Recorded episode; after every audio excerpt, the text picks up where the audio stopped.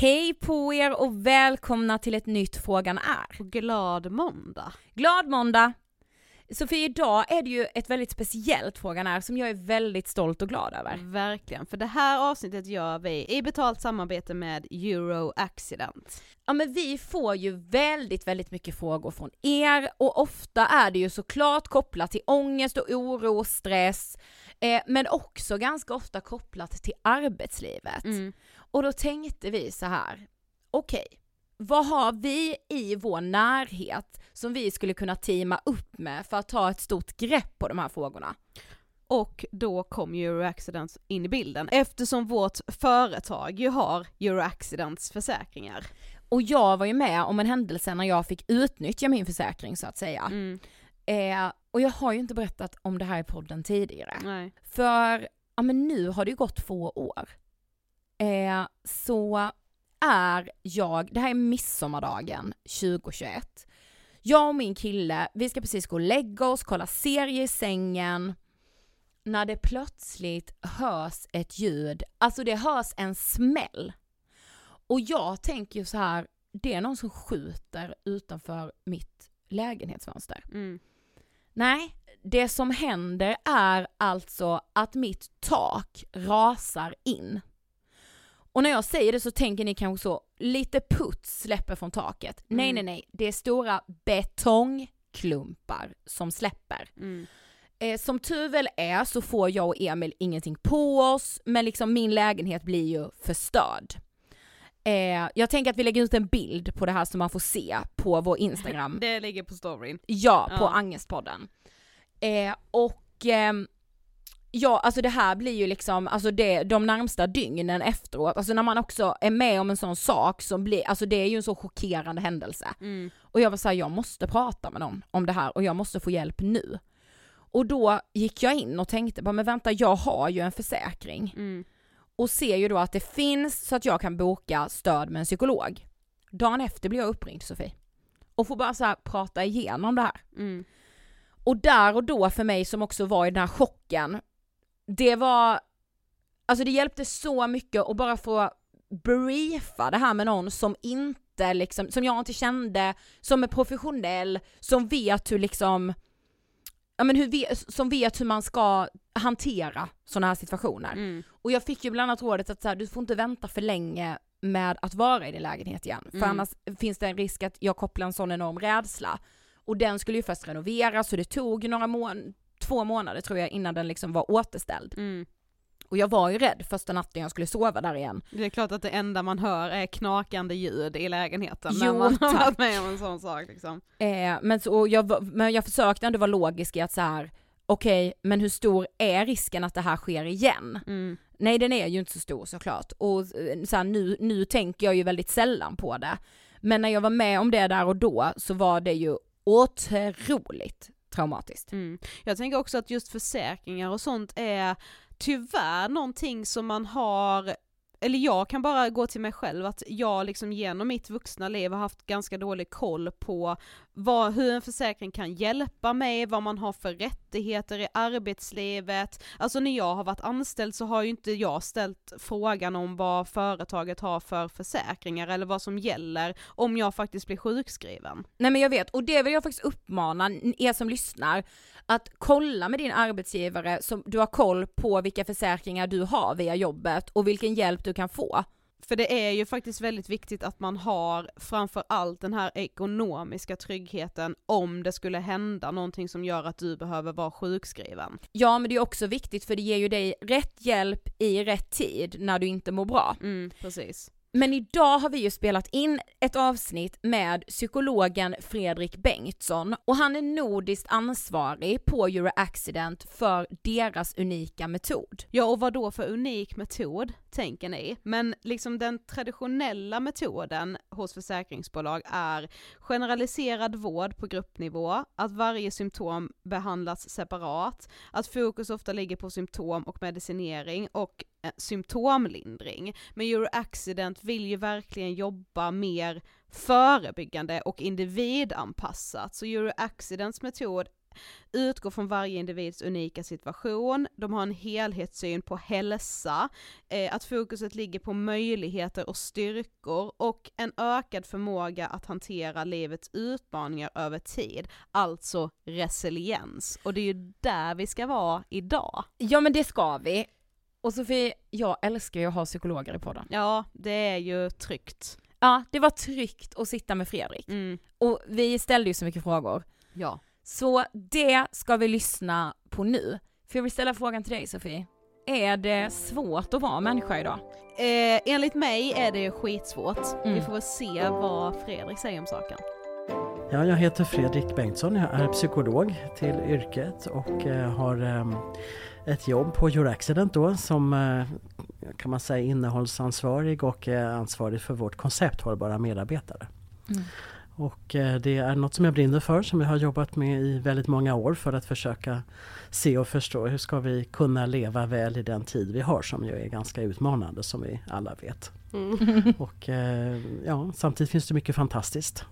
Eh, och det tycker jag också är viktigt att lyfta fram. Och det är det som är min dagliga eh, tanke och, och sätt att försöka se hur kan vi liksom faktiskt njuta av livet och ha det bra trots att det pågår en massa saker som är utmanande. Mm. Ja. Kanske extra viktigt att försöka tänka på de positiva sakerna nu när omvärldsläget ser ut som det gör. Exakt, Men, precis. men du är ju som sagt psykolog på Euro Accident och du träffar ju såklart en massa människor med jättemånga olika bekymmer och sådär och problem. Men vad skulle du säga, är det svårt att vara människa idag?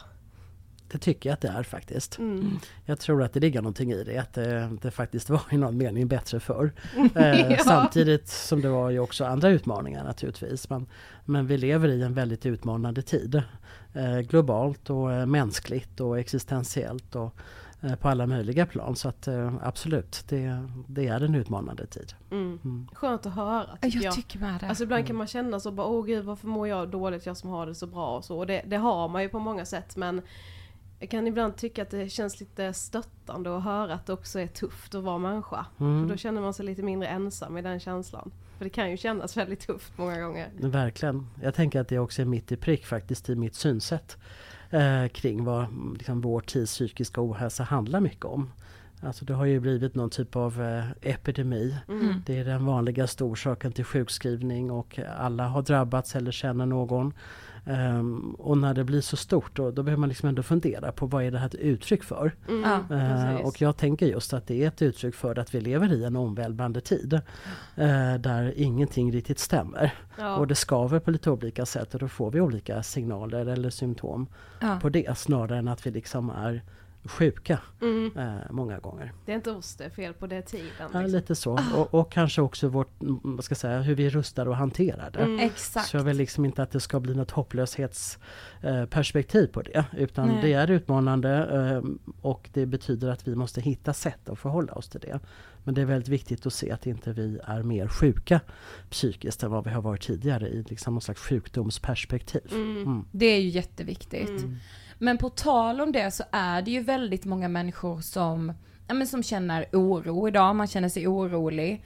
Och, och det behöver såklart inte alltid heller vara något dåligt. Men hur, alltså hur skulle du beskriva oro? Vad är det för någonting? Mm. Ja, oro är ju egentligen en medfödd eh, försvarsmekanism kan man säga. Om vi nu är tillbaks på savannen till exempel där det fanns vilda djur och så, då behövde vi ju känna oro för faror Mm. för att kunna bli lite mer skärpta, eh, se lite bättre, inte slappna av om det nu fanns någonting vi behövde skydda oss mot. Så det går inte att ta bort oro.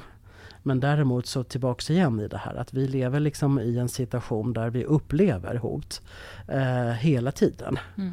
Savannen kanske man hade ett lejon till exempel och sen när det förhoppningsvis försvann för man lyckades hoppa upp i ett träd eller någonting sånt, då gick liksom den här oron ner. Mm. Ja. Medan nu så är vi oroliga hela tiden för att vi matas med en massa saker via mm, ja, sociala media eller eh, våra telefoner på olika sätt om olika typer av faror och hot hela tiden. Eh, Vi har också en situation där vi känner mycket osäkerhet. Duger jag som jag är? Jämförelse med andra. Alltså många sådana här saker som ju upplevs av hjärnan och kanske också har själen som Mm. eh, källa till oro. Mm. Så det går liksom lite inflation i. Mm. En slags känsla som triggar igång systemet som ju inte riktigt går ner. Nej. Och oro som går över i ångest Mm. eh, är ju kanske det man då behöver kanske hjälp med. Men, Mm. men liksom oro annars som, som grundkänsla det, det är ju egentligen någonting att fånga upp och fundera på vad betyder det här för mig? Mm. Är det här någonting jag kan hantera eller är det rationellt? Eller, Mm. Ja. Ja för alla känner ju liksom oro någon gång i sitt liv, eller ganska ofta. Mm. Men hur vet man då att man känner för mycket oro och vad ska man göra då? Och kanske också vad är liksom ens skillnaden på oro och ångest? Mm. Eh, Jag tror att alla människor har erfarenhet av att känna oro som sagt för det är ju ett, en, en grundkänsla. Mm. Däremot så är det också många som har oro som blir mer eller mindre kronisk eller som blir liksom så pass stark så att man eh, hamnar i ångest. Och, och ångest är ju i vissa delar också naturligtvis en väckarklocka. Men det är ju mer plågsam känsla som också kan leda till andra besvär. Till exempel att man inte kan somna eller Mm. får sömnproblem eller att man inte kan vara i sociala situationer. Alltså att det blir hämmande på olika sätt och, Mm. och hindrar en från att leva. Och då, då är det ju någonting man ofta behöver hjälp med. Men det finns inte någon sån här absolut tydlig gräns. Vad är oro, vad är ångest? Utan det är liksom en slags eh, ja, skala på något vis och svävande och kan gå lite fram och tillbaka och så. Mm. Men däremot så kan man ju se att vi har en tendens att känna mycket mer ångest, alltså att oro går upp i ångest Mm. eh, i välfärdssamhällen. Mm. Där vi Mm. liksom inte riktigt kanske heller har fått utmana så mycket i att handskas med oro. Alltså om ni tänker det till exempel om ni har varit i länder där folk har ingenting och så Mm, kan de precis. ändå sätta på musik och dansa och vara glada och eh, inte verka ha någon oro. Och man kan undra hur är det möjligt? Ni borde Mm. bekymra er för morgondagen och sådär. Mm. Men det beror liksom också på att man härdas också om man utsätts för Mm. situationer och det är ju det som är resiliens då. Ja. Ja. Eh, Alltså förmågan att kunna hantera oro som vi alla kan träna oss på. Ja.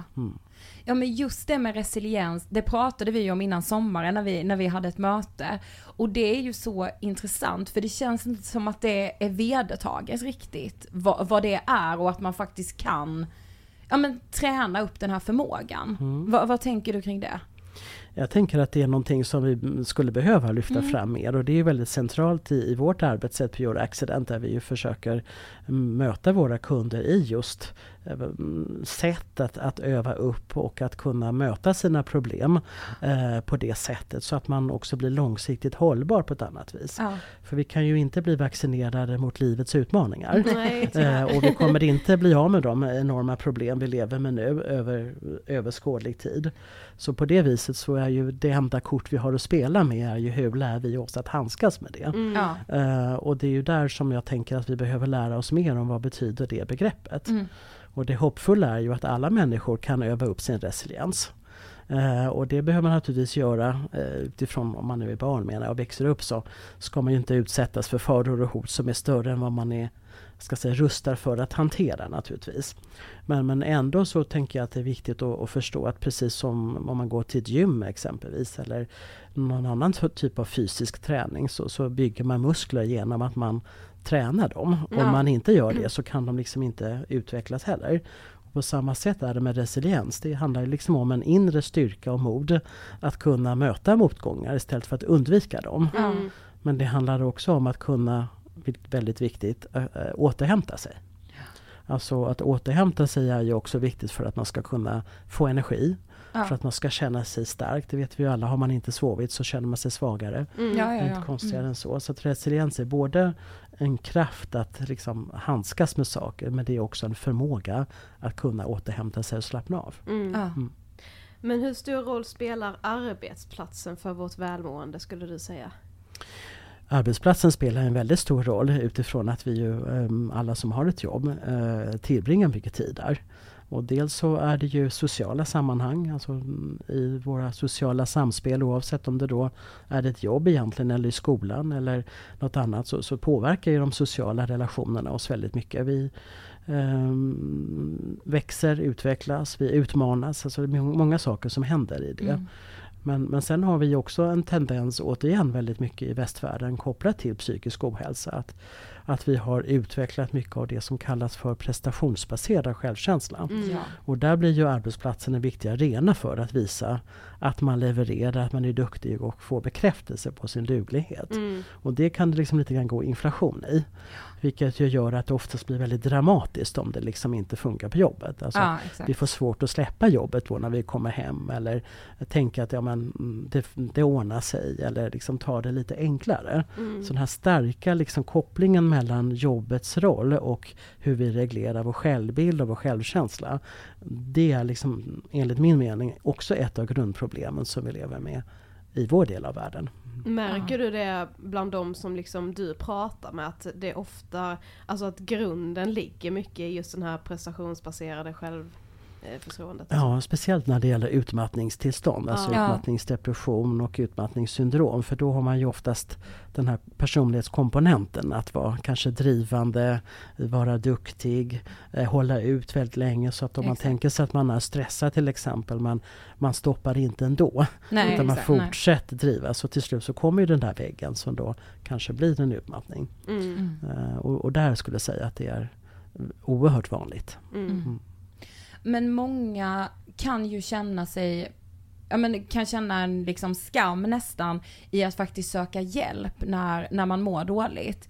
Hur ska man liksom veta när det är läge att nej men nu behöver jag professionell hjälp? Mm.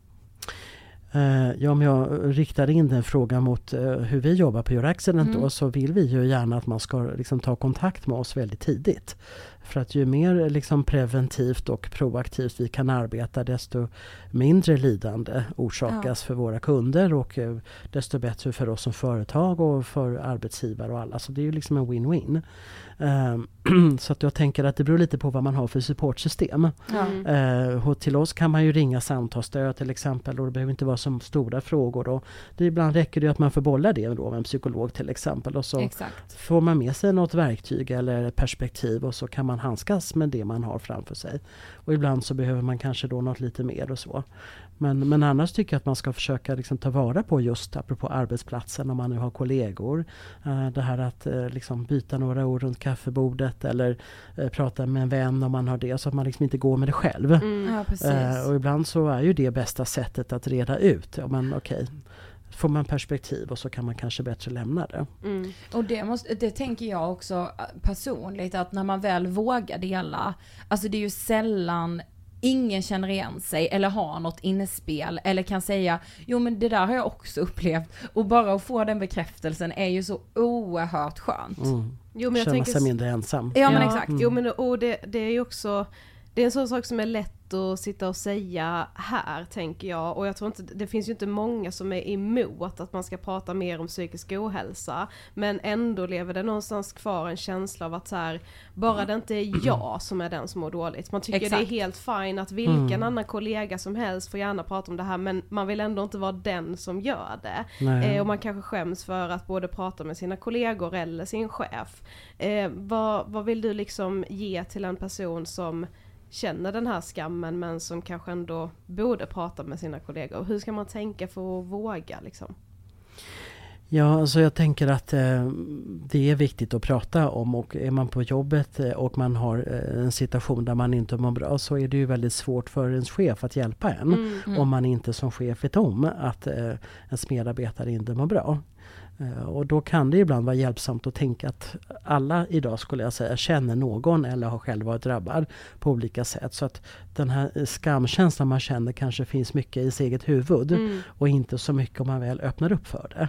Mm. Eh, Så det är ju liksom ett perspektiv. Men, men annars om man känner att det är för stort steg så finns det ju också många chattrum eller liksom olika konstellationer på eh, liksom Facebook och annat där man kanske mer anonymt kan Mm. liksom fördela eh, som Ja. ett första steg ibland. Ja. Så det kan ju ibland, och det finns också hjälplinjer till exempel och så man kan ta kontakt om man känner att man behöver det. Men, men, men det jag rent allmänt tycker är väl kanske att det kan ibland, tycker jag, bli för stor tonvikt vid att det är psykisk ohälsa. Mm. För att bara istället se, prata om hur man mår. Ja. Alltså förstår du lite vad jag menar? Att det Mm, liksom blir en, en vinkling mot någonting som kanske är eh, normalt. Ja, Ja, men just nu är det liksom en utmanande tid på jobbet till exempel. Låt oss sätta oss ner och prata om det är så. Mm. Men hur kan vi som team eller grupp liksom orka med det tillsammans. Ja. Men det behöver inte betyda att, att jag är sjuk för att jag känner mig stressad för att det finns en tydlig anledning. Nej. Eller någonting har hänt i mitt liv. Jag har separerat eller förlorat en anhörig. Alltså det finns ju händelser i alla människors liv som gör att man inte alltid mår hundra. Mm, Men det betyder inte att man är sjuk. nej, och precis. det där är så Ja. viktigt. Ja. Och att också normalisera att så med livet kommer ju skava från och Ja. till. Ja, som precis. sagt det är jobbigt att vara människa. Ja, det, exakt. är, det är, Det är en så det jobbig är. tid liksom. Ja. Och, och underbart samtidigt. Ja, Ja, verkligen. Men du var inne lite på det. Eh, hur viktigt är det med tidiga insatser? Ja, Det är ju väldigt viktigt. Jag skulle helst vilja gå så långt som att säga att vi behöver ju idag supportera vår hälsa. Mm.